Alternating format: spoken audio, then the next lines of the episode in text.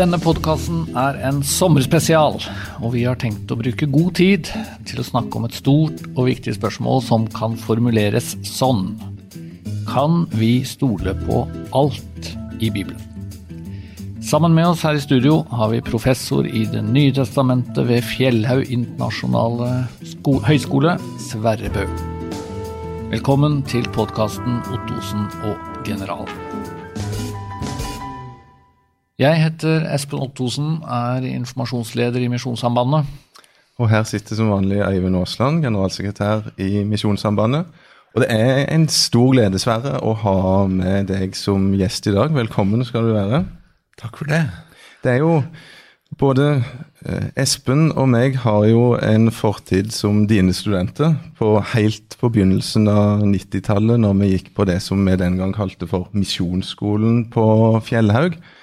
Er det noe du har fortrengt, eller husker du godt at vi eh, var i klasserommet? Ja, det husker jeg veldig godt. Det er ingen behov for å fortrenge. Nei, men Det er bra. Vi gikk jo fire år i, i, i den tiden på, på Fjellhaug. du men du var i, jeg håper å si, godt i gang som lærer, selv om det er altså blitt uh, borti 30 år siden? Jeg kom her i 86, så det er fort gjort å bli gammel. Fantastisk. Og nå er det våre barn du underviser på, på Fjellhaug. Det er heldigvis sånn, og det er jo egentlig utrolig fint.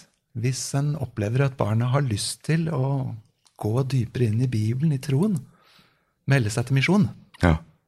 ja, det er fantastisk bra. Og vi er veldig glad for at du er på Fjellhaugsværet. Det kan vi jo si i en spesialpodkast at det, det setter vi stor pris på. Det kan vi. Og dette blir jo da en, en litt sånn frittstående episode hvor vi ikke gjør det vi pleier å gjøre helt. Eh, vi har droppa det å snakke om en overraskelse. Vi skal ikke snakke så mye om fotball som vi av og til gjør. Det er Øyvind egentlig ganske takknemlig for, mm. med tanke på hvordan eh, ja, Manchester United har jo ferie, og Start gjør det dårlig, så vi bare hopper kjapt over det og gå rett og slett eh, rett i gang med hovedtemaet. Ja, for vi, vi tror jo at det her er et ekstremt viktig tema.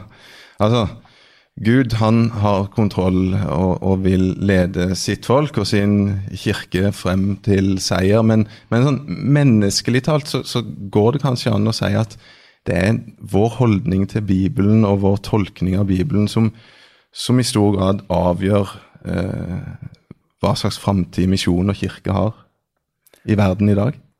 Ja, Det er jeg så enig i. Jeg sammenligner av og til med På skolen så hadde vi geometri.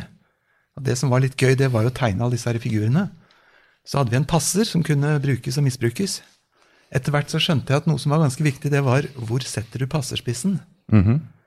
For hvis du ikke plasserer den fast, men uh, bruker den som en blyant, da kan det bli mange interessante kruseduller. Mm. Altså, hvor setter kristen kirke og misjon passerspissen. Mm. Setter vi den i Bibelen, eller setter vi den i gallup, i folkemeninger? Da kan det bli veldig mange interessante kruseduller. Men det mangler det sentrum og den fastheten som egentlig er vårt kjennetegn.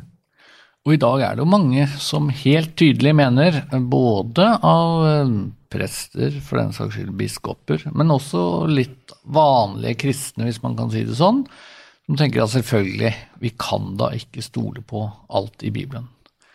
Og vi kommer jo fra en tradisjon hvor eh, det har vært vanlig å si at jo, jo, du kan stole på alt i Bibelen. Mens i dag har vi da tenkt å prøve å grave litt i ja, kan vi virkelig det? Og hvordan møter vi disse ulike innvendingene som kommer? Og Jeg har lyst til å bare varsle med en gang at vi skal starte litt generelt, men vi mm. skal ned i de litt Eh, helt konkrete, vanskelige spørsmålene. Vi skal etter hvert snakke litt om dette med hva gjør vi med krigene i Det gamle testamentet. Det vet jeg du kan ganske mye om, eh, Sverre. Så det gjelder enten høre alt eller uh, spole seg til slutten nei, nei, spoling, spoling er helt uaktuelt. Vi vil ikke ha noe spoling. Nei, da, vi, vi, vi, bare lokker med at det kommer noe om kriger og den slags i Det gamle testamentet. Det er også veldig mange som mener at naturvitenskapen er på en måte et alternativ til Bibelen. Man må stole på enten naturvitenskap eller Bibel. Og så er det klart homofilispørsmålet er jo et interessant spørsmål når det gjelder bibeltolkning. Absolutt. Er det slik at vi kan være helt sikre på at Bibelen sier et nei til homofilt samliv, eller kan vi tolke dette på litt ulikt vis? Det må vi ha med til slutt. Men vi starter. Med, med selve spørsmålet er hele Bibelen Guds ord? Er alt i Bibelen noe vi kan tro på, noe vi kan stole på? Hva, hva vil du svare som utgangspunkt, Sverre? Ja, da svarer jeg ja. Ja. Og jeg svarer ja egentlig mer med glede enn med tanke på alle problemene med ting jeg ikke kan ordentlig forstå og forklare. Selve den tanken at jeg vet noe som jeg ikke kunne ha visst på annen måte enn at Gud sa det til meg, det fyller meg med en veldig glede. Ikke med en overlegenhetsfølelse i forhold til andre, men en trygghet. For jeg er helt sikker på at han vet det han uttaler seg om. Og så er min utfordring å skjønne og bli kjent med det han faktisk har sagt. Ja. For vi tenker jo at, at som mennesker så er vi faktisk helt avhengig av det at Gud åpenbarer seg, at han forteller oss sine ting, sånn at vi skal få del i, i hans tanke, og, og, ikke minst i hans frelse i Jesus. Det, vi, vi, er helt avhengig av at han åpenbarer seg og forteller oss det han vil i Bibelen. Ja, Dess nærmere vi kommer sentrum, dess mer blindebukk er jeg av natur. Mm. Det er noe jeg ikke kunne forstått, tenkt meg fram til i det hele tatt. Men jeg går rundt og tror at jeg kan si høyt jeg vet hvem som laga meg. Jeg vet hvorfor han laget meg. Jeg vet hvor jeg er på vei når dette livet er slutt. Og det gir jo en glede og en trygghet. Men for å bore i akkurat dette med alt i Bibelen, eller hele Bibelen eh, Det er ikke sjelden man hører uttrykket 'biblisist' Altså hvis man mener at Fundamentalist. Alt, eller fundamentalist. Mm. Hvis man mener at alt i Bibelen er til å stole på, hver, hvert eneste vers øh, Ja, men øh, Går det virkelig an? Er det ikke såpass mange problemer eller feil eller selvmotsigelser eller øh, et eller annet? Vi skal ikke hoppe bukk over det som er vanskelig. Ikke billig fortrenge det, eller eh, slå en billig vits, eller eh, noe i den stilen. Eh, prøve å gå med hvilepuls inn i hver eneste tekst som kommer opp. Mm. Jeg kan jo si for min egen del at som bibelleser i 50 år, så har jeg til enhver tid hatt en litt sånn uformell liste i bakhodet. Dette syns jeg er vanskelig. Dette skjønner jeg ikke. Mm. Det bruker jeg ikke som en brekkstang til Gud å si 'her er det feil'. Men det har jeg til sånn litt kontinuerlig bearbeidelse. Og etter 50 år så er den lista verken kortere eller lenger, men den er ikke lik. Mm -hmm. Den forandrer seg litt. Så det er ting som har løst seg, eller som du ikke opplever som vanskelig nå, som du gjorde før? Ja, og så kommer det nye vanskeligheter som jeg ikke har et svar på. Mm. Eh, men det har jeg nettopp på ei sånn liste. Og noen ganger tenker jeg at ok, men det skal jeg spørre om når jeg kommer hjem. ja. Hjem for meg, det er til Gud i himmelen. Ja. Og jeg kan leve med at lille jeg innerst i maurtua ikke har skjønt riktig alt der ute i astrofysikken, ja. i Guds store verden. Men du, sånn, i, i Misjonssambandet, som vi tre tilhører, da, så, så, er det jo så har det jo vært litt ulike tanker om det. Er, er det. Kan vi si at det finnes feil i Bibelen? Ikke da i, i de alvorlige kjernetinga som har med frelsen å gjøre, men, men f.eks litt ulike angivelse på tid og sted og geografi og forskjellig sånn. Eh, må vi ikke erkjenne at det er feil der? Der, der, der har det jo vært litt ulike tanker blant eh, ledere i misjonen opp igjennom. Hva tenker du om det? Er det farlig å liksom Hvis du begynner å innrømme at det er noen små feil, så får det følge for holdninga til de store, viktige tingene? Jeg skjønner hvorfor noen sier akkurat det. Det tar jo bort litt av det der prestasjonspresset av at du skal vær så god få alt til å gå opp. Mm. Og det må matche hverandre fra begynnelse til slutt. En sa det sånn til meg at eh, Sverre, hvis du påstår at absolutt alt er riktig, så legger du fryktelig mye i potten. Du legger på en måte hele gudstroen i potten mens du diskuterer en liten historisk filleting. Mm. Og da vil jo også noen si at hvis du da finner én feil i denne vanvittig store boka, da liksom rakner alt. Men så er det litt spennende å se at det som alle påstår er feil, kanskje da snur litt på det etter hvert. Mm. Gjennom omtrent hele middelalderen og langt opp i moderne tid så var det klassiske eksempel på feil i Bibelen det er at tredje Mosebok definerer haren i forhold til drøvtygger, Ja. og sier den er en drøvtygger. Eh, Og så er spørsmålet er det da et rent dyr, for den har jo ikke klover. Eh, Og så mente man at her har vi et helt åpenbart eksempel på at Bibelen tar feil. Og den som har eh, skutt en hare og gjort litt med, med kroppen, ser jo at her er det bare én pose, bare én mage. Ikke fire som hos kua.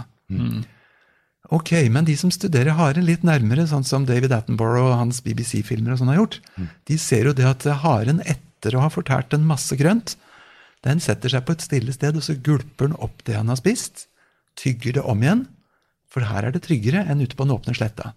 Og så svelger han det, og kanskje flere ganger. Er det da en drøvtygger, eller er det ikke en drøvtygger? Altså, det er et teit eksempel, men det viser at en skal ikke være med på en hvilken som helst sånn 'her er det en feilholdning'. For det kan faktisk hende at det snur litt. Men hva gjør du når noen sier, eh, som, som helt sikkert du har hørt en del ganger, ja, men da er du jo fundamentalist. Og det er jo et skjellsord. Ja, hvis det er sted og tid for å diskutere litt hva mener du med et sånt ord, hva har du tenkt å bruke det til? Hvis det er et slagord, så betyr jo et slag det er noe du skal slå med. Har du lyst til å slå meg for akkurat det? Eller kan vi snakke litt om hva, hva mener jeg med at jeg har et fundament for troen? Men hvis assosiasjonene er en veldig betongtype islam, som er fundamentalister, og som ikke hører på den de snakker med, men bare roper, Ja. så syns jeg jo ikke det er så veldig treffende verken for meg sjøl eller for mine venner som tenker som meg. Men rett definert så vil du si at du I og med at vi har et tydelig definert eh, fundament, et sted å sette passerspissen, så kan fundamentalist eh, være bra. Hvis du ikke har alle de forstyrrende tingene rundt. Jeg har det ikke travelt med å kverulere på ordet, men jeg bruker ikke sjøl. Men jeg vil gjerne si at jeg har et fundament.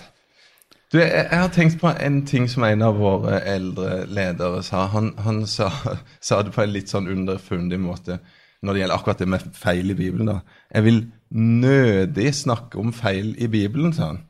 Altså, eh, muligens så er det noen sånne geografiske avstandsangivelse og diverse sånne ting som, som, som kan, ha vær, kan være feil.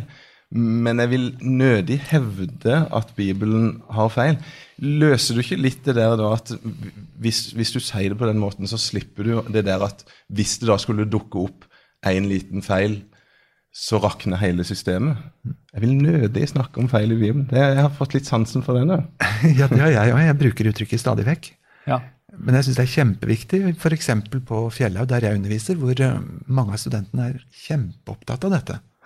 Og engstelig for å finne en feil. Og ta dem med inn i det rommet hvor vi sier ok, men hvis du finner noe du ikke kan forklare, hvor viktig er det å kalle det en feil? Og i så fall, hva, hva skjer med det? Men det er jo veldig lettvint å bruke ordet feil. Skal jeg ta et annet eksempel? Jeriko, eh, Josvas bok, kapittel 6 og 7. Ja. Da de inntok den, så gikk de rundt byen, og så ramla murene. Og da må man jo finne murer. Ja, og murer finner du i bøtter og spann, og mer enn det. Ja. Altså, Det er ikke noen by som har vært gravet så mye nesten som Jeriko. Nei. Og i den levetiden jeg har, så har jeg sett masse overskrifter som går den ene gangen, men Bibelen hadde rett. Og neste gang dette kan ikke være det. Ofte på om murene falt innover eller utover. Av en eller annen grunn så er det liksom blitt lakmustesten på om dette stemmer historisk eller ikke. Jeg er ikke så kjempeimponert over akkurat den type argumenter. For når noe så håndfast som arkeologien faktisk må omtolke sine svar mange ganger, så har vi liksom ikke det der nøytrale ståstedet der jeg er overdommer og kan si her skjønner jeg at Bibelen bommer. Men eh, det er vel også en innvending som vi kan få av og til, at hvis vi går til Bibelen med en sånn ekstrem tillit da, til at her er det ikke feil, her er det ikke motsigelser, er vi da ordentlig interessert i å, å sjekke hva vi finner, eller har vi på en måte fasiten i hånd før vi jobber med tekstene? Ja, det er en kjempeviktig innvending. Jeg syns ikke det sparker beina under det vi snakker om, men jeg syns det er utrolig viktig å høre alt hva Gud har sagt. Og ikke liksom innsnevre til det jeg føler meg trygg på, eller det jeg har et bevis for. Eh, Det er Guds ord, det jeg foreløpig ikke skjønner òg. Og det er klart det er jo farligere, tenker jeg, å øhm, lage seg et slags system som man da skal presse Bibelen inn i. Det kan jo være en fare kanskje for alle teologer. At i sted, også, også, ja, for den saks skyld også for de som er opptatt av at her er det feil, her er det motsetninger osv., at man faktisk ikke lytter ordentlig til tekstene, men man har et, en, et utgangspunkt og kanskje et system og en teologi, og så tar man den med seg istedenfor å, å la tekstene tale.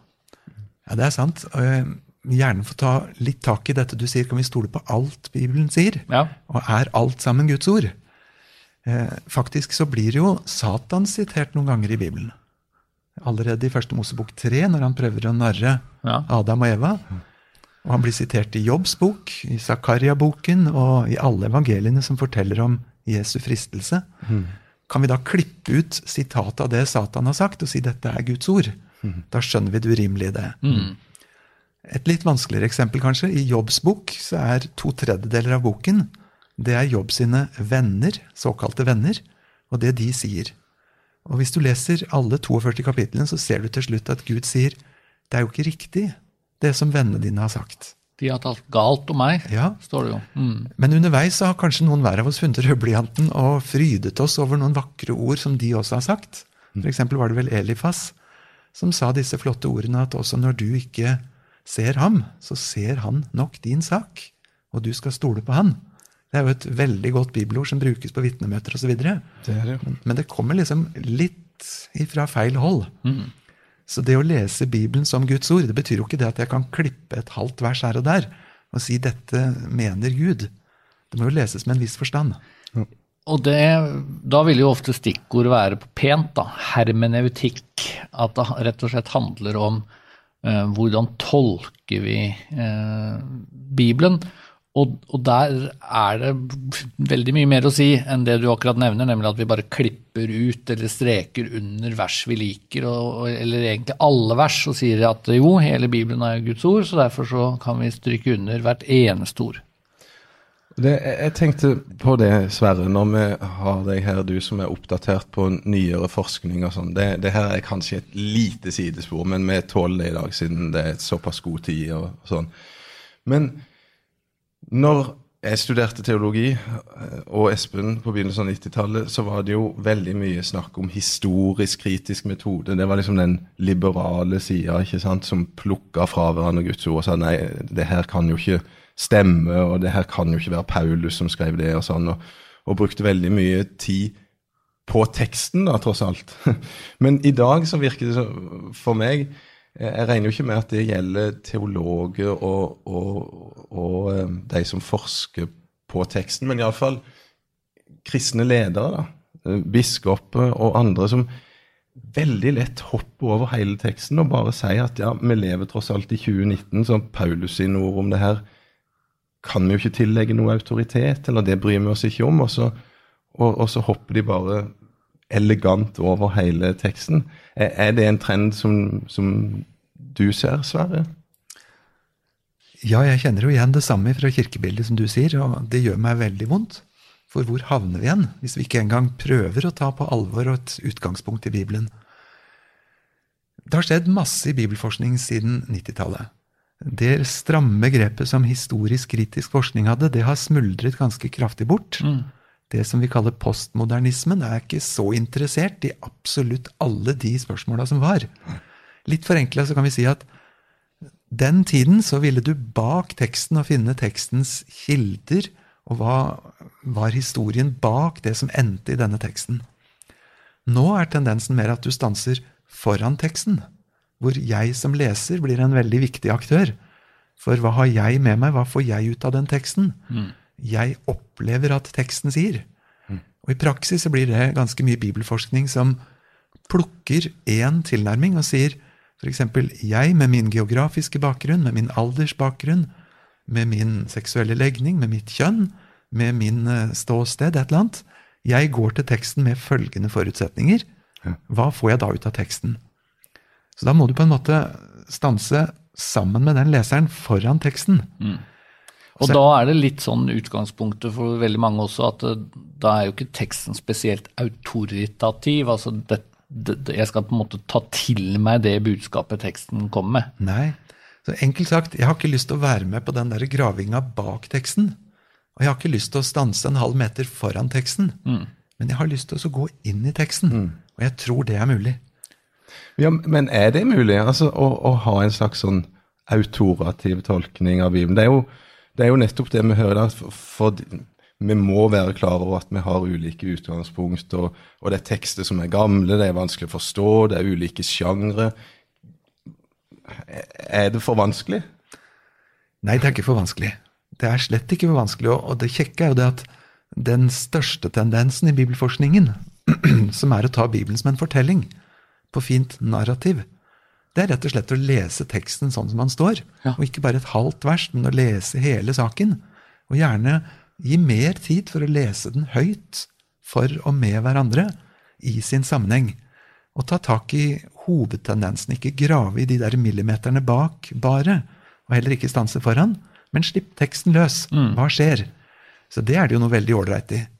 Men mange av de som gjør dette, f.eks. sammen med deg, altså man forholder seg til tekstene som et narrativ. De vil vel si at eh, ja, dette er det Paulus mente, eller dette var det Jesus mente, og så blir man på en måte enige om tolkningen. Men så vil de kanskje si motsetningen til deg, men dette kan selvfølgelig ikke moderne mennesker mene.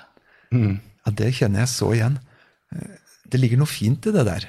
For plutselig så kan vi jo være helt enige om at hva står det faktisk i teksten? Eh, Det er vi skjønt enige om.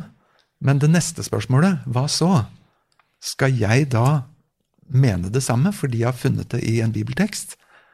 Der vil jo de riste på hodet og si hvor i all verden havner vi da? Men du er jo i det minste kommet dit hvor du leser teksten litt ærligere. For går du 30 år tilbake, eh, så var det kort avstand mellom bibeltolkning og hva skal Kirken mene. Ja. Og fordi Kirken da hadde lyst til å mene et eller annet, så kunne man fristes til å jukse med teksten for å få den til å matche det vi har lyst til å ha som konklusjon. Det behovet er på en måte litt borte. Så ofte så finner jeg at jeg kan være hjertens enige om å tolke bibeltekst, lange avsnitt om homofili, om mann-kvinne, om kontroversielle spørsmål, så lenge vi sier 'hva står det i den der teksten'? Men hvis vi møtes i et annet rom som sier 'hva skal Kirken mene i dag', så er vi akkurat så uenige som vi ville vært på forhånd. Og jeg syns jo det er litt, på et vis litt deilig i møte med en del kirkeledere i dag, at det er noe litt redeligere, vil jeg si.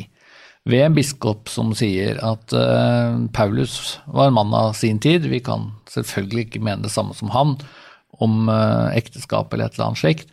Det er jo enklere å forholde seg til enn de som da prøver å si at eh, Paulus og jeg er egentlig enige, vi må bare forstå eller tolke teksten annerledes.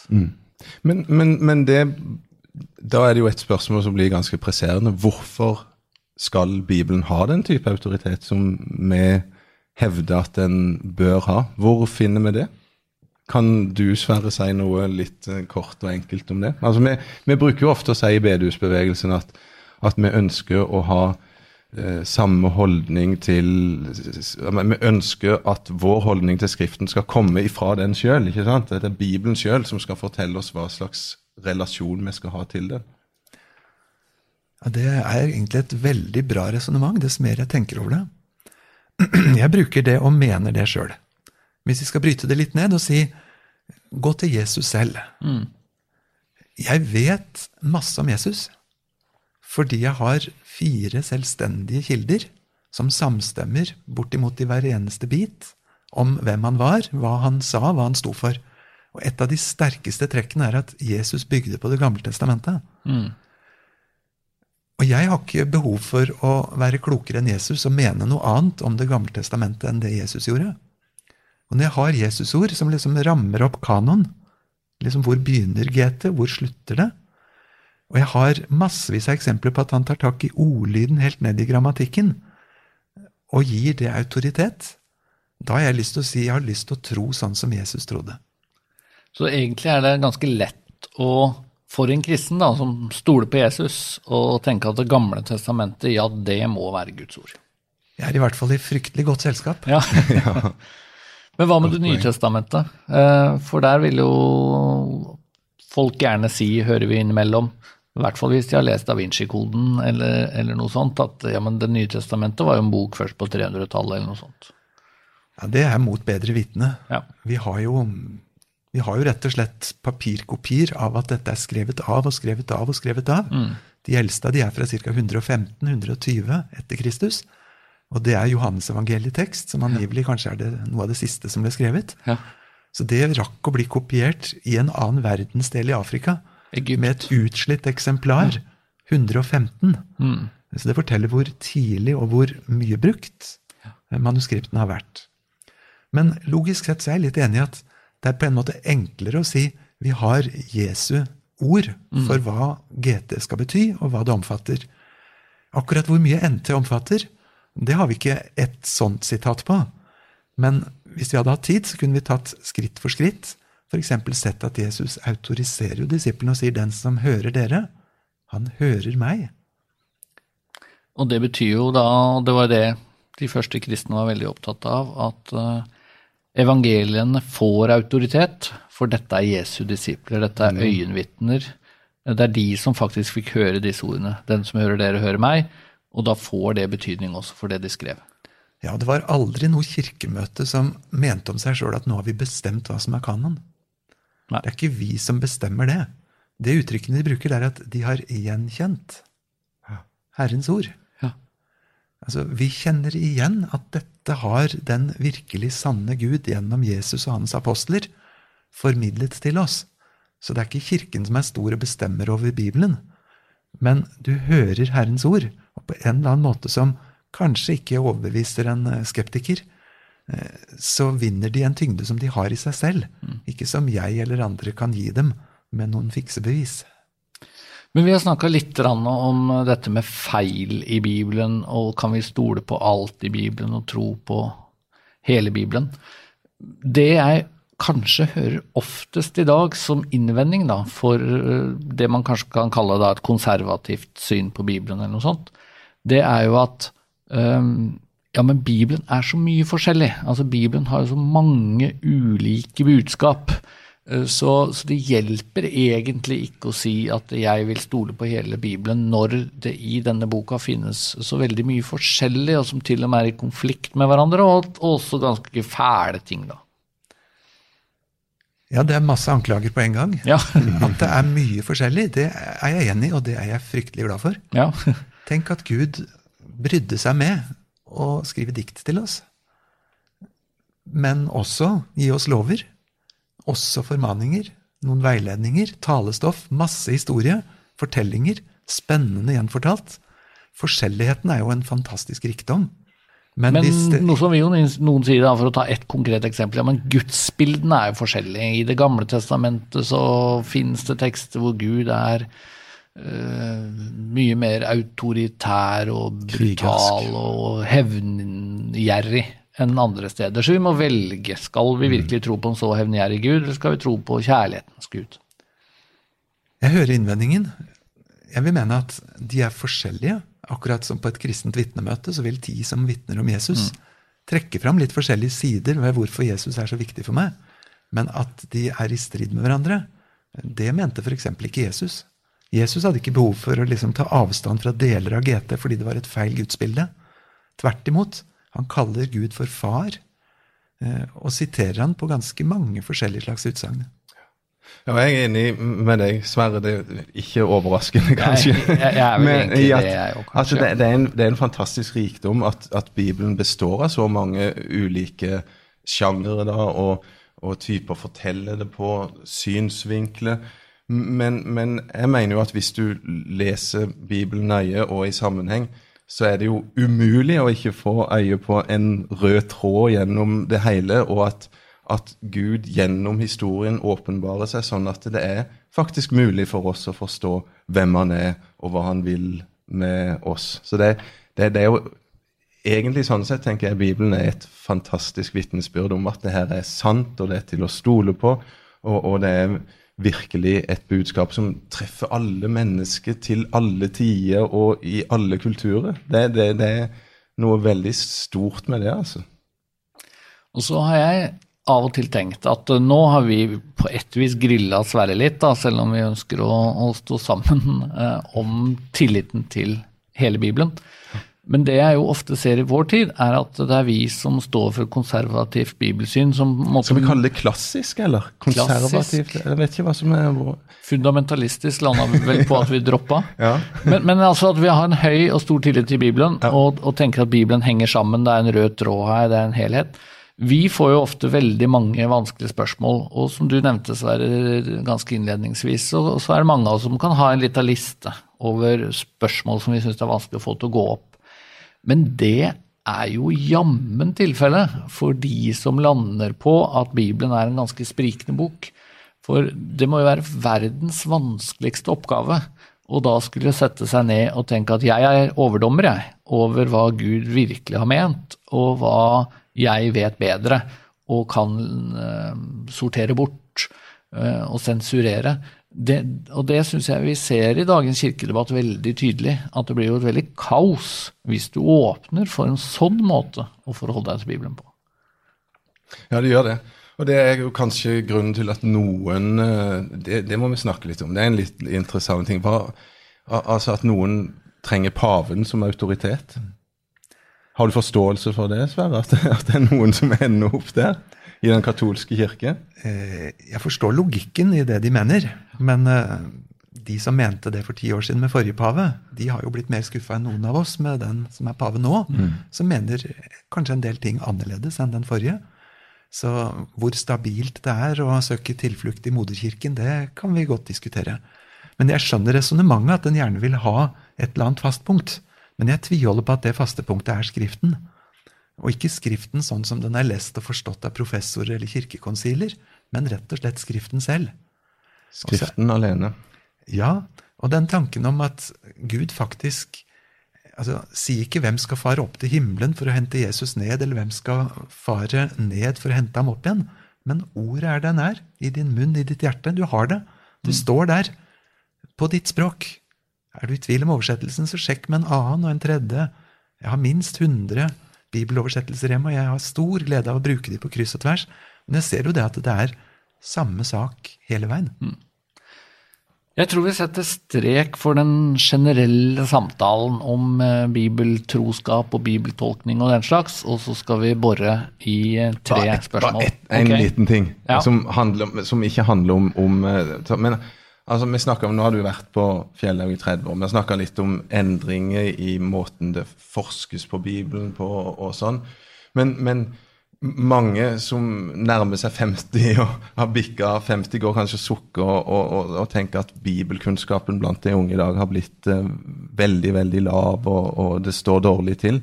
Hva, hva, slags erfaring har du med det, Sverre? Ja. Er det sant? Eh, jeg tror det er veldig sant når det gjelder folk i Norge sånn generelt. Men jeg får det ikke helt til å stemme med dem jeg møter på Fjellhaug. Så bra. Jeg kan huske da, da, jeg var ung for 50 eh, år siden, så hadde jeg følelsen av at alle de gamle predikantene kjefta på oss for at vi var født 50 år for seint. Mm -hmm. Fordi at eh, dere kan jo ingenting Bibel og ikke noe katekisme, og, og kan ikke salmevers. Mm. Og jeg tenkte, skal vi bebreides for at vi er født i en annen tid enn det du ble? Og jeg syns jeg har hørt den uh, omkvedet i 50 år. Min virkelighet på fjellet er at jeg syns jeg møter påfallende mange unge som har en kjempegod bibelkunnskap, og som bryr seg. Det er ikke lenge mellom hver gang noen pugger f.eks. Filipperbrevet, eller til og med Romerbrevet eller Markusevangeliet utenat. Mm. Altså, de spør om ting som er så intrikat at de røper 'dette har jeg jobba masse med'. Da blir jeg glad. Kjempe. Så ved siden av det derre 'dessverre går det nedover med bibelkunnskapen ute i samfunnet', så er det en del veldig bevisste unge kristne og antagelig godt bevisste foreldre. Mm. Og det fins jo fantastisk mye sånne barnebøker for bibler eh, som passer hånd i hanske eh, for de som virkelig vil gjøre noe med det. Mm. Så å passivisere seg ut og si 'nå lever jeg i tid det ikke funker', det er å melde seg ut. Det var det, var det håpet du ville si, Sverre. Jeg, jeg tenker jo det er sånn vi hadde ikke avtalt det forhånd. Et, et, et håpstegn at det er så mange unge mennesker som samles for regelmessig bibelstudie i, i, store grupper, i Misjonssalen f.eks. her i, i, Oslo. eh, og i smågruppene og er opptatt av å lese og studere Bibelen sammen. Det, det, det er faktisk en liten trend som vi ser nå, og, og jeg tror at dagens 20-åringer er enda mer opptatt av å lese og forstå Bibelen enn jeg var på som, som 20-åring. Det får være en liten bekjennelse og en liten uh, samtidsanalyse i, av, av, det som skjer i, uh, i Kristen-Norge. Så fint. Og da, da har vi jo lagd en veldig god bro til det å bore ned da, i noen uh, helt konkrete temaer og tekster som vi skal se nærmere på nå. Vi har altså bestemt oss for Sverre, at vi skal ta tak i tre litt vanskelige problemstillinger. og Den første vet jeg at du har eh, vært opptatt av å jobbe litt ekstra med. Og det handler jo om dette med Det gamle testamentets kriger og litt brutale tekster. Min opplevelse er jo at utallige kristne eh, nærmest vil si at det vanskeligste de får som spørsmål, det er hva gjør jeg med krigene i Det gamle testamentet? Kan jeg virkelig tro på den samme Gud som det fortelles om at står bak og støtter uh, utryddelse av uh, folkeslag? Uh, noen snakker med moderne språkbruk om at det er etnisk rensning i Det gamle testamentet. Mm hva, hva, skal vi tenke om, om, dette? Kan vi på en måte forsvare Bibelen her? Ja, mot ganske mange av de anklagene vil jeg oppriktig mene at vi må forsvare Bibelen. Mm. Fordi anklagene kan være urimelige. Eller med et feil sett briller. Men jeg skal ikke påta meg å si at dette har jeg svar på, sånn at ikke jeg også syns det er problematisk, for det syns jeg. Og det er mange tekster Veldig mange av de er jo rent beskrivende. Ja, for det er jo enkelt å forholde seg til på ett vis. Altså, her foregår det en krig. Og vi trenger ikke nødvendigvis å mene at siden det foregår en krig, så satt Gud og tenkte at dette er flotte saker. Så de er på en måte litt enklere. Ja, altså sorterer du mellom forsvarskrig og angrepskrig, mm. og du spør hvor mange angrepskriger står Gud bak, da sitter du med temmelig få tekster som har en litt egen forklaring i Bibelen selv, i forhold til mengden av de andre. For tiden var brutal, og tiden er brutal der krig er også i vår tid. Hører du om folkemordet i Rwanda og Burundi, så, så skal du ikke langt tilbake i tid, men det er jo aldeles forskrekkelig. 800 000 mennesker på en måned eller to. Og her kan man jo kanskje til og med si at Bibelen er eh, en ærlig bok som forteller hva som faktisk uh, skjedde. Her er det ikke skjønnmaling av den tiden som israelittene levde i. Nei, og faktisk syns jeg det er interessant i første kongebok 20 så har vi en tekst som setter det litt i et perspektiv. Det handler om noe så trist som den tiden på året når konger pleier å dra i krig. Det forteller litt om hva slags ja. verden de levde i. Ja. Her handler det om syrerne fra Aram som presser den nordlige delen av eh, Nordriket Israel. Og De kommer hvert år. Eh, og de var så mange soldater at de var, så ut som en, eh, en, en, geiteflokk som fylte hele åsen, står det. Så tapte de for Israel. Og etterpå så får vi referat av hva generalene i Syria kunne forklare dette med. Og så sier de det er fordi den guden de har i det landet, det er en fjellgud. Mm. Men hvis vi neste år slåss nede på slettene, da duger ikke den guden. Så da skal vi legge en annen krigsstrategi. Og før neste år kommer, så får vi høre at Gud i himmelen sier fordi folket sier at jeg bare er en fjellgud og ikke også en slettegud, derfor vil jeg nå gi arameerne i deres hender. Og så går det sånn. De taper. Og når de innser tapet, og de må kapitulere, så får vi et nytt referat av hva generalen i Syria sier. Da sier de til hverandre Vi har hørt at Israels konger er milde konger. Så vi har følgende råd, herre konge. Kle deg i sekk og aske og gå veldig ydmykt fram. Kryp på din mage fram for Israels konge og be pent om nåde, så skal vi se åssen det går. Og så skjer det. Og disse godhjertede, milde kongene i Israel de går rett på limpinnen og tar ikke skuespillet som ligger bak. Altså Jeg sier ikke at dette løser problemet med, med hellige kriger, men det forteller hvilken verden de kjempet i. Ja. Og så er det jo litt interessant å høre ryktet fra utsiden at Israels konger generelt hadde navn på seg for å være milde konger. Men så er det jo de tekstene som, eh, der, der Gud helt utvetydig gir eh, beskjed om at her skal alle meies ned. Ikke noe liv skal eh, spares. Barn og kvinner og alt. Og det, det kan vi jo forstå kan ha en slags sånn teologisk eh, betydning. At eh, en skal skille seg fra det som er ureint, og ikke, ikke bli eh, påvirka av gudsdyrkelse og sånn. Men det, det, er, det, er, det, er, vanskelige tekster å, å, å, å, liksom forsvare helt og fullt, eller forstå helt og fullt, og, og kunne snakke om det på en, på en grei måte til mennesket i dag. Jeg er helt enig i at det er veldig vanskelig. En par-tre momenter. Jeg skal ikke si at de forklarer eller gjør det enkelt, men altså Bibelens tilnærming til dette er kanskje en litt annen enn den vi umiddelbart tenker oss. For så er det en grunntanke i Bibelen at de folka som ble fordrevet fra Israel da Moses og Josva kom for å ta landet tilbake igjen, de hadde fått sin tid og fått sin sjanse.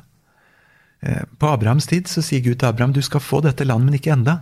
For de som bor der, har enda ikke fylt sine synders mål. Mm. Mm. Du skal være fremmed med ditt folk i mange hundre år, 400 år. Så skal dere komme og få det. Og når de 400 årene er kommet, og de vender tilbake fra Egypt, så sier Gud nå har disse folkene fylt sine synders mål, slik at landet må spy dem ut. Altså Akkurat som en menneskekropp kan få bedervet mat i seg, slik har dette landet fått bedervet synd mm. på en slik måte at nå er Guds tålmodighet brukt opp. Og når de skal ut, så blir de ikke sånn uten videre massakrert, jeg holdt på å si heldigvis, men de blir jo bedt om å forlate området. Og det gjør de langt fleste. Og så er det noen som ikke gjør det. Og hvorfor skal da de som ikke forlater det, drepes?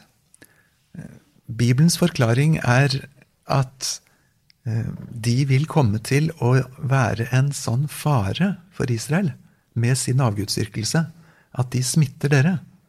Sånn at den planen Gud har om å bruke Israels folk til frelse for alle oss andre, den råtner på rot. Mm. Hvis det at dere blir infisert av et hedenskap som kan komme til å ta overhånd mot dere. Mm. Men det er altså det høres jo logisk ut på mange måter, men det jeg legger merke til, som en del er redd for, er jo at oi, tenk hvis kristne skulle begynne å tenke sånn i dag. Men der har vi jo heldigvis, da, ja. Eh, et testamente til. Mm. Det nye testamentet, og det er den nye pakt. Og den er grunnleggende annerledes på akkurat disse punktene. Da Jesus ble arrestert, så var det en som dro sverdet og ville forsvare Jesus, men Jesus sier 'stikk sverdet i sliren'. Overfor Pilatus så sier han at 'mitt rike er av en annen verden'. Paulus forklarer at når vi skal forsøke å vinne folk for Jesus, så manipulerer vi ikke. Vi jukser ikke på noe vis, men vi henvender oss stilt og enkelt til en og en samvittighet. Så her er det en grunnleggende forskjell på gammel og ny pakt. Og der er det jo også den, den forskjellen jeg tror en del glemmer når de skal kritisere Det gamle testamentet, at, at um, det som var avgjørende for Gud, det var å beskytte måte, et helt folk.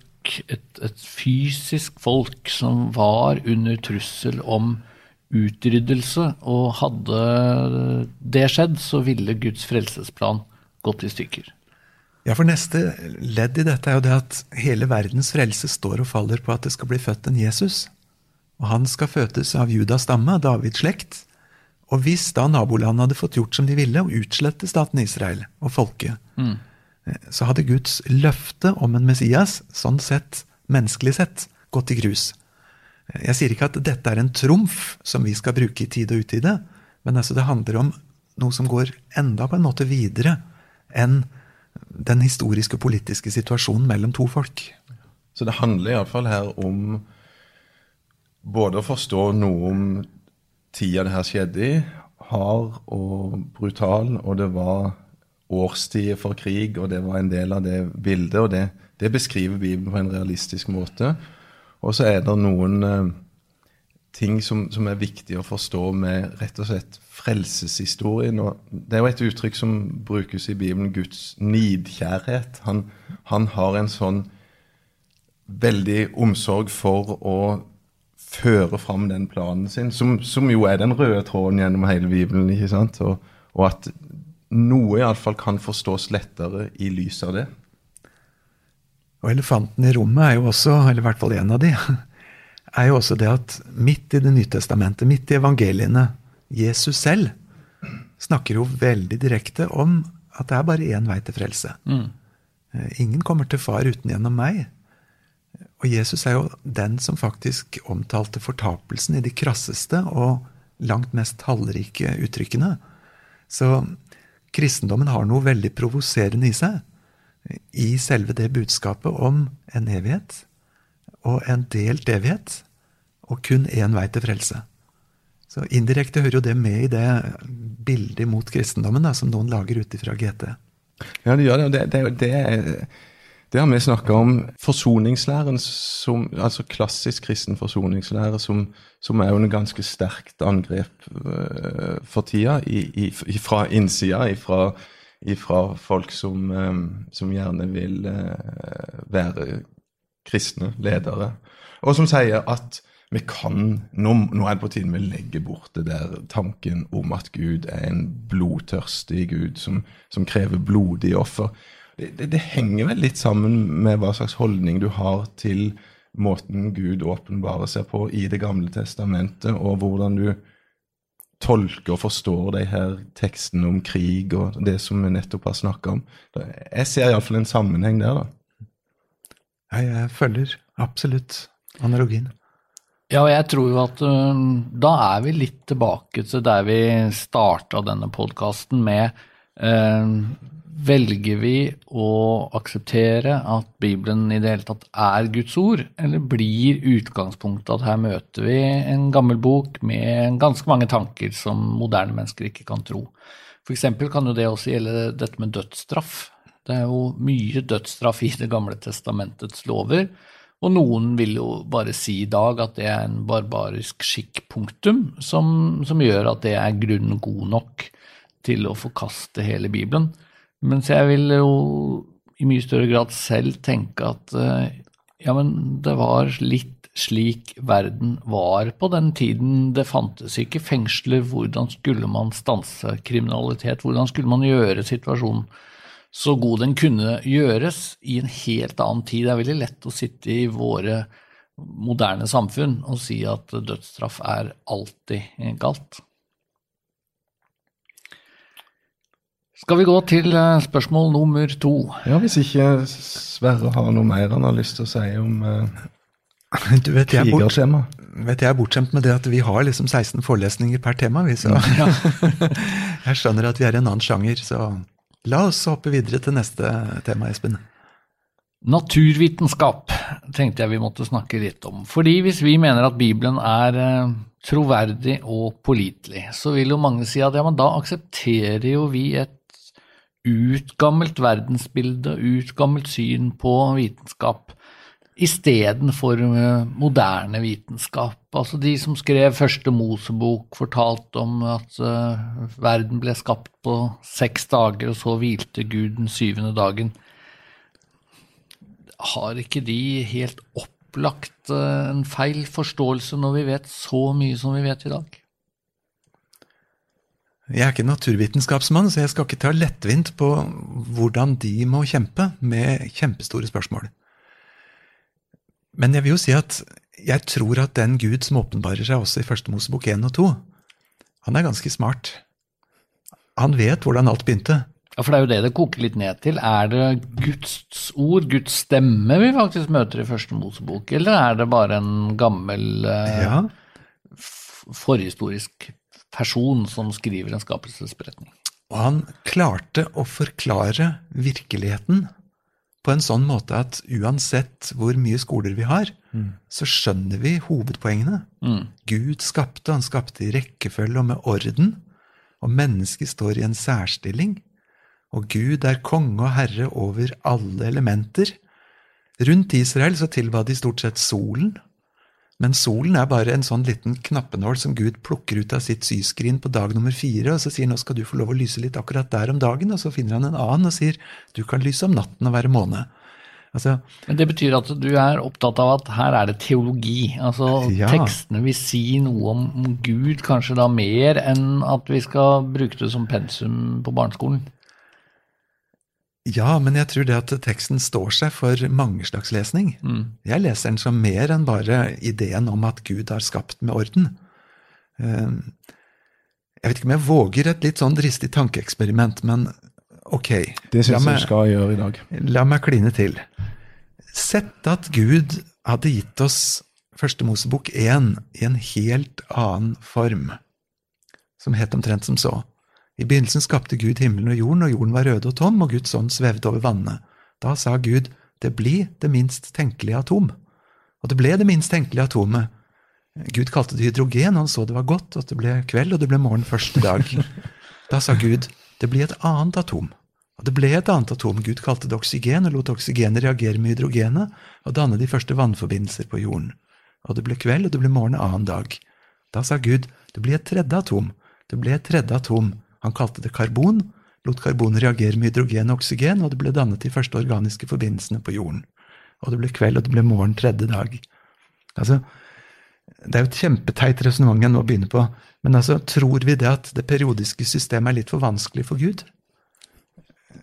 Eller tror vi det at Gud som kunne bruke atomene til å skape en fullkommen og fantastisk verden på bare noen dager, han forteller oss hva er din plass i denne verden. Jeg har kontrollen fra minste atom til den største stjernegalakse, og jeg har designet deg med meg selv som forbilde. Og jeg har satt det her med følgende gave og følgende oppgave. Da syns jeg dette løfter seg enormt. Jeg, Og jeg også syns egentlig at en del av disse spørsmålene ikke er så veldig vanskelige hvis vi går til teksten med litt velvilje og tenker at uh, det er en tekst om uh, Guds rolle, om Guds skapelse som skal fungere på kryss og tvers uh, kulturelt. Men så er det noen som henger seg litt opp i at det f.eks. står om himmelhvelving. Og det du akkurat sa i stad om at Gud satte solen på hvelvingen, og så tenker man ja, men er ikke det da et eksempel på at de som har formulert disse tekstene, de trodde faktisk på en fysisk hvelving? Og det vet vi jo i dag at ikke fins. Og jorden på noen seiler, altså så hvelvingen som et lokk over. Ja.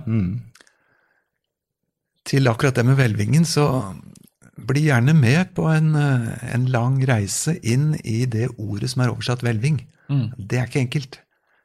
Er det en fornuftig oversettelse å kalle det for en hvelving? Og til spørsmålet om hva som er poesi og ikke. Eh, Dette syns jeg er vanskelig, når Gud oppfordrer elvene til å klappe i hender. I salme Jeg glemmer hvilken.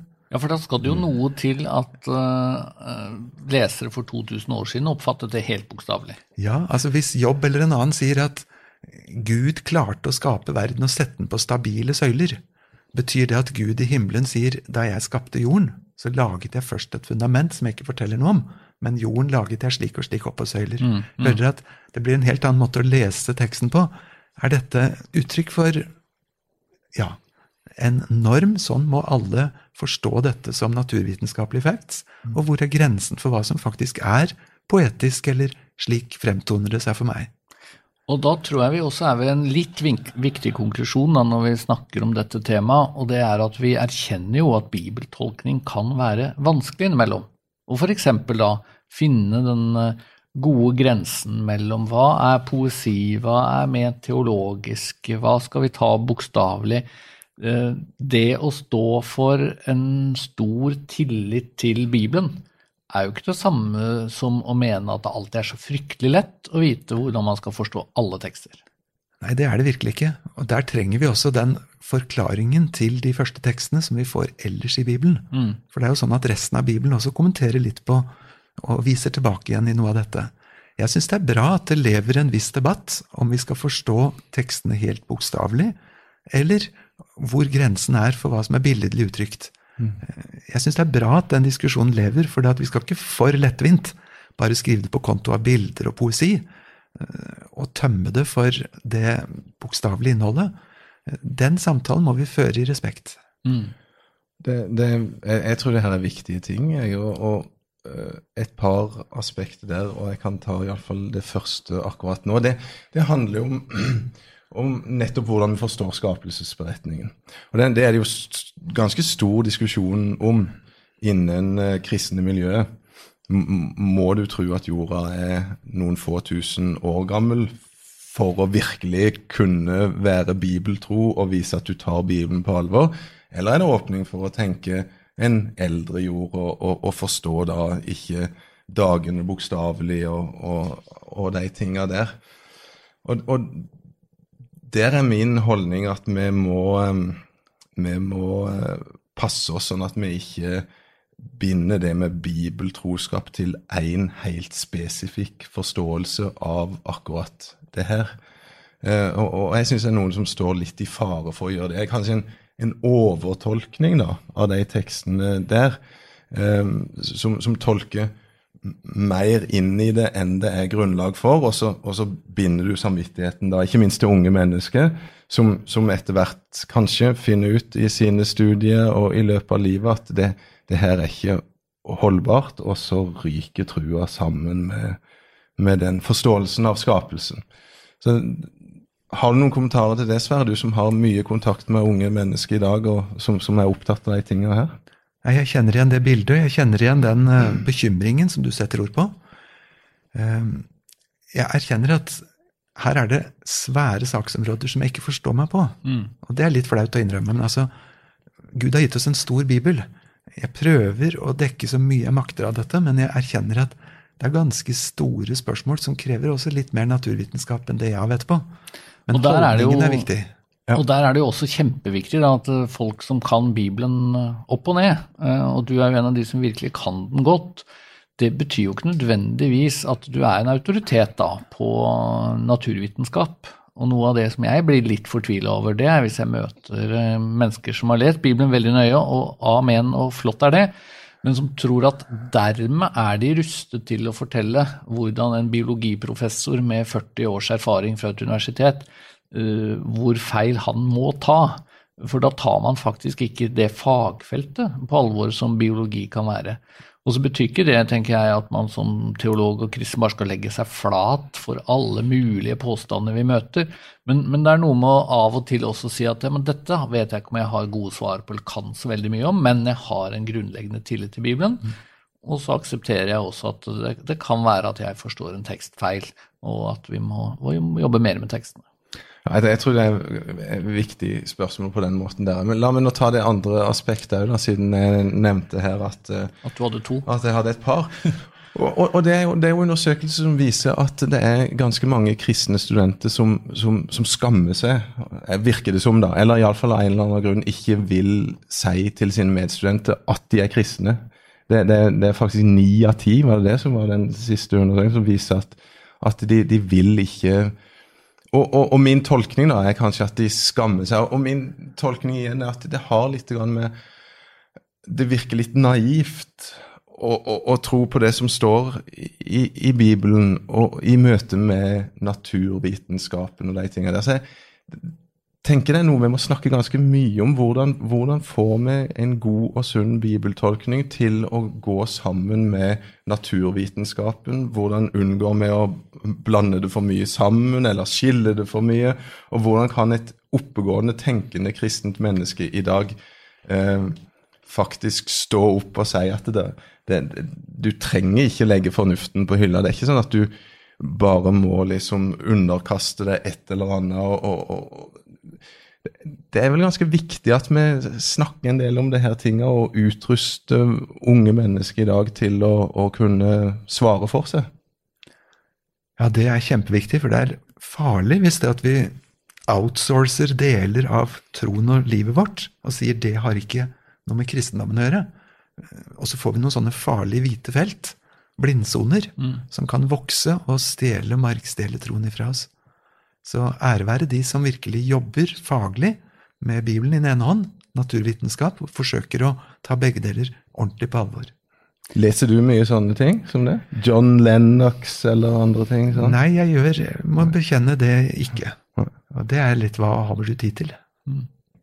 Det handler om prioriteringer. Ja. Vi skal gå til en tredje og siste punkt før vi har to kjappe spørsmål som vi skal avslutte hele episoden med. Men eh, spørsmål tre er jo noe som virkelig har vært diskutert lenge. Er det opplagt at Bibelen sier et nei til homofilt samliv? Akkurat nå lever vi i eh, Norge, hvor Den norske kirke har åpnet for vielse av homofile par. Det er flere biskoper, mange som mener at eh, det går helt fint å tolke Bibelen slik at homofil kjærlighet er likeverdig med heterofil eh, kjærlighet. ja, er det det? Altså, er vi ikke litt inne på det området, Sverre, som du nevnte i stad, egentlig så er det noen tekster som, hvis du skal ta de på alvor, så må du erkjenne at jo, her sier faktisk Bibelen at homofilt samliv er synd, for å bruke de ordene som, som vi bruker ofte. Men, men så, så, så, blir det lagt til altså at men, men, det er jo ikke autorativt for oss i dag. Og Paulus han kjente jo ikke til trofasthet uh, mellom uh, i, i homoseksuelle relasjoner eller et eller annet. Nå, nå, utfordrer jeg litt på det. Ja, men, men, men, det er akkurat det jeg tenker vi må snakke litt om. Altså, hva sier egentlig Bibelen om dette? Kan det tolkes på ulikt vis? Her har det skjedd eh, spennende ting i bibelforskningen i løpet av de 30-40 årene jeg vet litt om. For 30-40 år siden så var det en del eksegeter som mente at Paulus kjente ikke ekte homofili. Paulus snakker om enten bare pederasti, altså en eldre mann som misbruker en ung gutt. Han snakker om ulike eh, roller og maktstrukturer. Eller han snakker ut ifra tanken om at dette her er noe som knytter seg til kulten til tempelet. Altså, Paulus tar ikke opp det vi er opptatt av, men han snakker om en annen type homoseksuell utfoldelse. Det tror jeg ikke jeg har sett på trykk nå på de siste 20 årene. Nei. Tvert imot mange som selv er aktive i kampen for homofiles rettigheter. De er helt enig i bibeltolkningen med det vi står for. Altså, alle leser teksten bortimot helt likt. Det står der sånn. Ja betyr ja, nei betyr nei. Mm. Det er ikke det det handler om. Men spørsmålet blir skal det få lov til å bestemme for oss?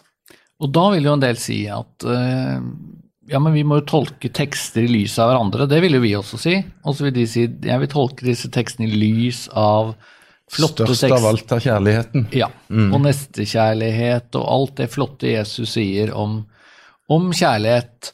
Og når vi nå vet at uh, homofile kan leve sammen i trofasthet og i kjærlighet, hvordan kan vi da si nei? Men det handler jo litt om hva visste f.eks. Paulus da han skrev disse tekstene. Ja. Hvilke typer homoseksuell utfoldelse var de kjent med?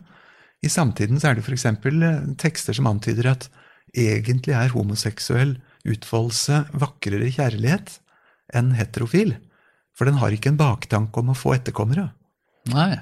Altså, Den lever sitt eget liv som uttrykk for kjærlighet, ikke som et ønske om videreføring. Reproduksjon. Altså, Det var tanker man kjente til i den verden som Paulus skrev. Og der mener jo mange at dette selvfølgelig kjente også Paulus til, slik at det går ikke an å begrense hans veiledning til å bare handle om noe Det er jo helt åpenbart. altså Paulus var utrolig godt orientert i sin samtid. Ja. Det er ingen i dag som vil mene at Paulus var forstokket, lukket inne i et lite rom. Altså Han kunne entre en hvilken som helst talerstol om et hvilket som helst tema og snakke på like fot. Han har vært smart, velorientert, og han har vært absolutt et barn av den greske verden som han vokste opp i. Og Det betyr jo at hovedspørsmålet blir egentlig er Paulus uh, Guds stemme når han sier det han sier om homofilt samliv? Det er det som avgjør hva man skal mene om dette spørsmålet i dag. Ja, Det er ikke en debatt om hva står i den teksten, Nei. men det er en debatt om skal den teksten få bestemme hva vi mener i dag. Det er bibelsyn, ikke bibeltolkning, som er bakgrunnen her. Og det har jo på mange vis vært et uh, hovedpoeng for oss gjennom hele denne episoden i dag, at vi har lyst til å vise at det er ikke så veldig mye av de grunnleggende teologiske debattene, kanskje, som handler om ulik bibeltolkning, selv om de også fins. Veldig mye handler om hva slags holdning har vi til Bibelen. Ja, det er jeg så enig i. Og holdninger de avslører seg nokså fort. For eksempel så vil jo da mange mene at når Paulus, som kjente nestekjærlighetsbudet og kunne utfolde kjærligheten så sterkt, likevel setter en sånn bom stopp for homoseksuell utfoldelse, eh, så er det bare fordi det er typisk jødiske fordommer og syn, slik vi kjenner det godt ifra GT og, og jødedommen. Mm. Altså Det er en type resonnementer som er helt ulovlige i faglig debatt i bibelfag nå, for det er en antisemittisme eh, som skyver over på jødedommen alt det vi ikke liker nå. Så det som ikke matcher vår idé av kristendom, det er sikkert bare en, en sånn rest av noe jødisk. Mm. Og så projiserer vi, eller flytter vi dit, de ubehagelige sidene.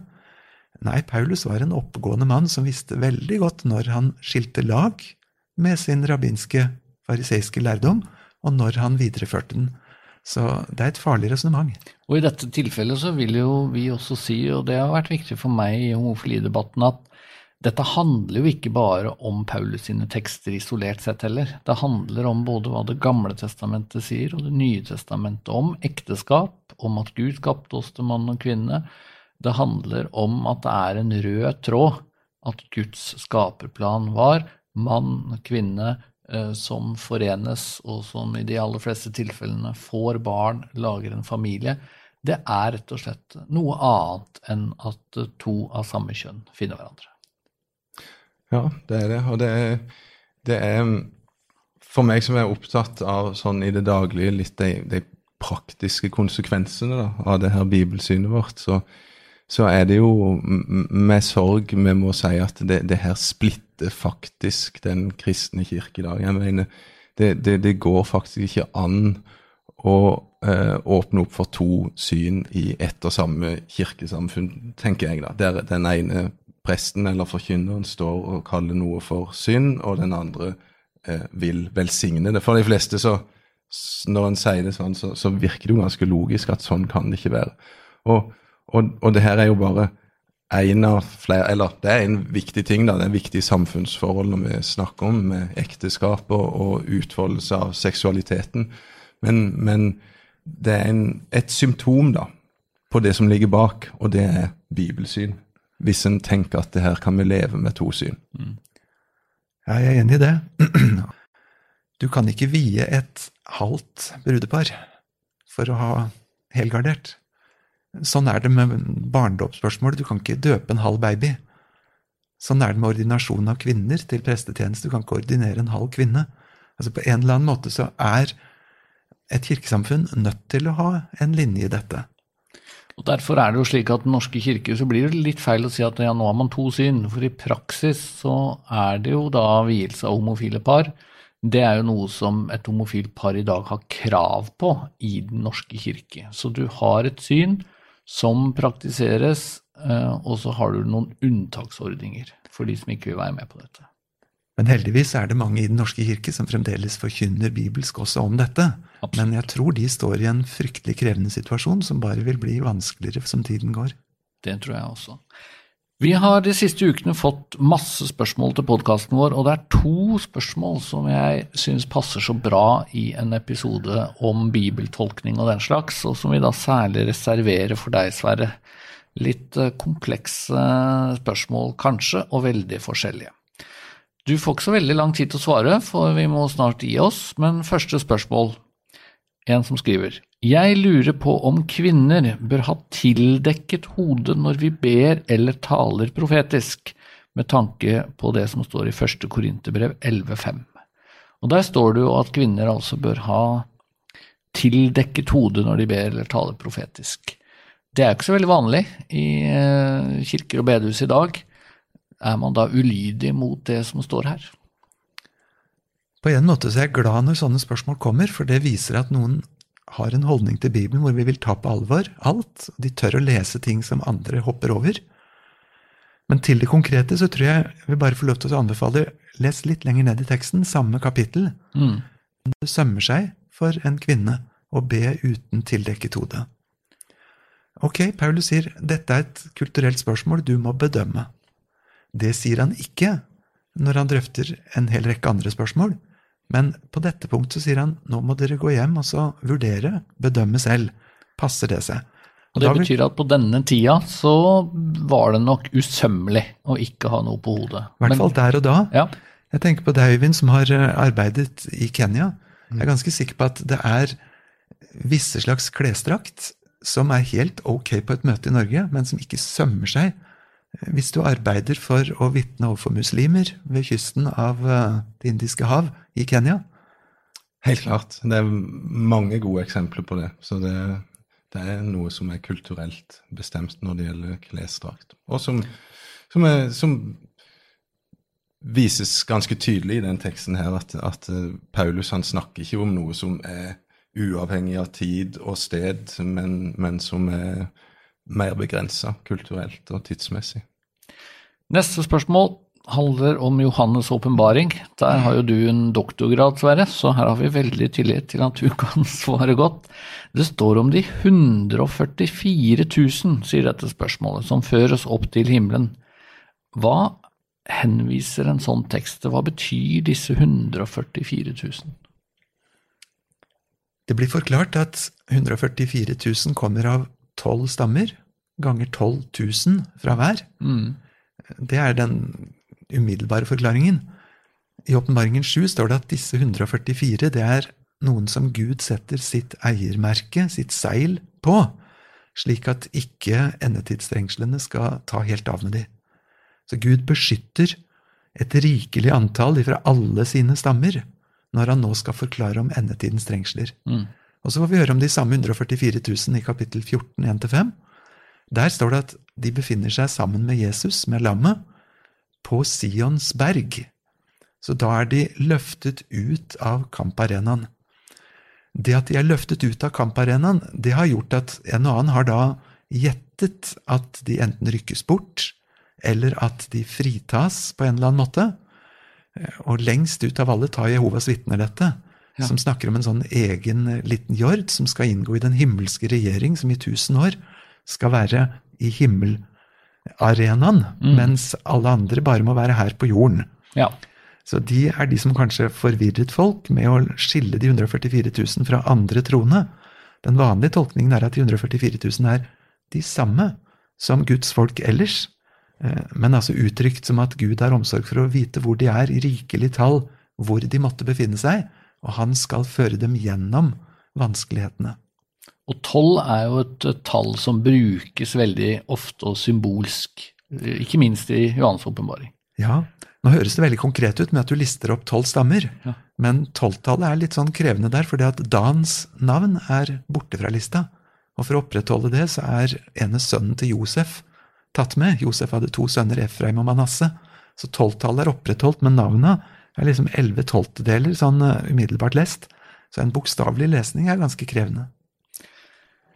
Her fikk vi virkelig gått i dybden på en, en tekst som jeg tror få har, har jobbet med, så det var flott. Og med det setter vi strek for denne sommerspesialen. Kjempeflott, Sverre, at du tok deg tid til å være sammen med oss såpass lenge. Vi fikk jo en grundig samtale om veldig viktige spørsmål.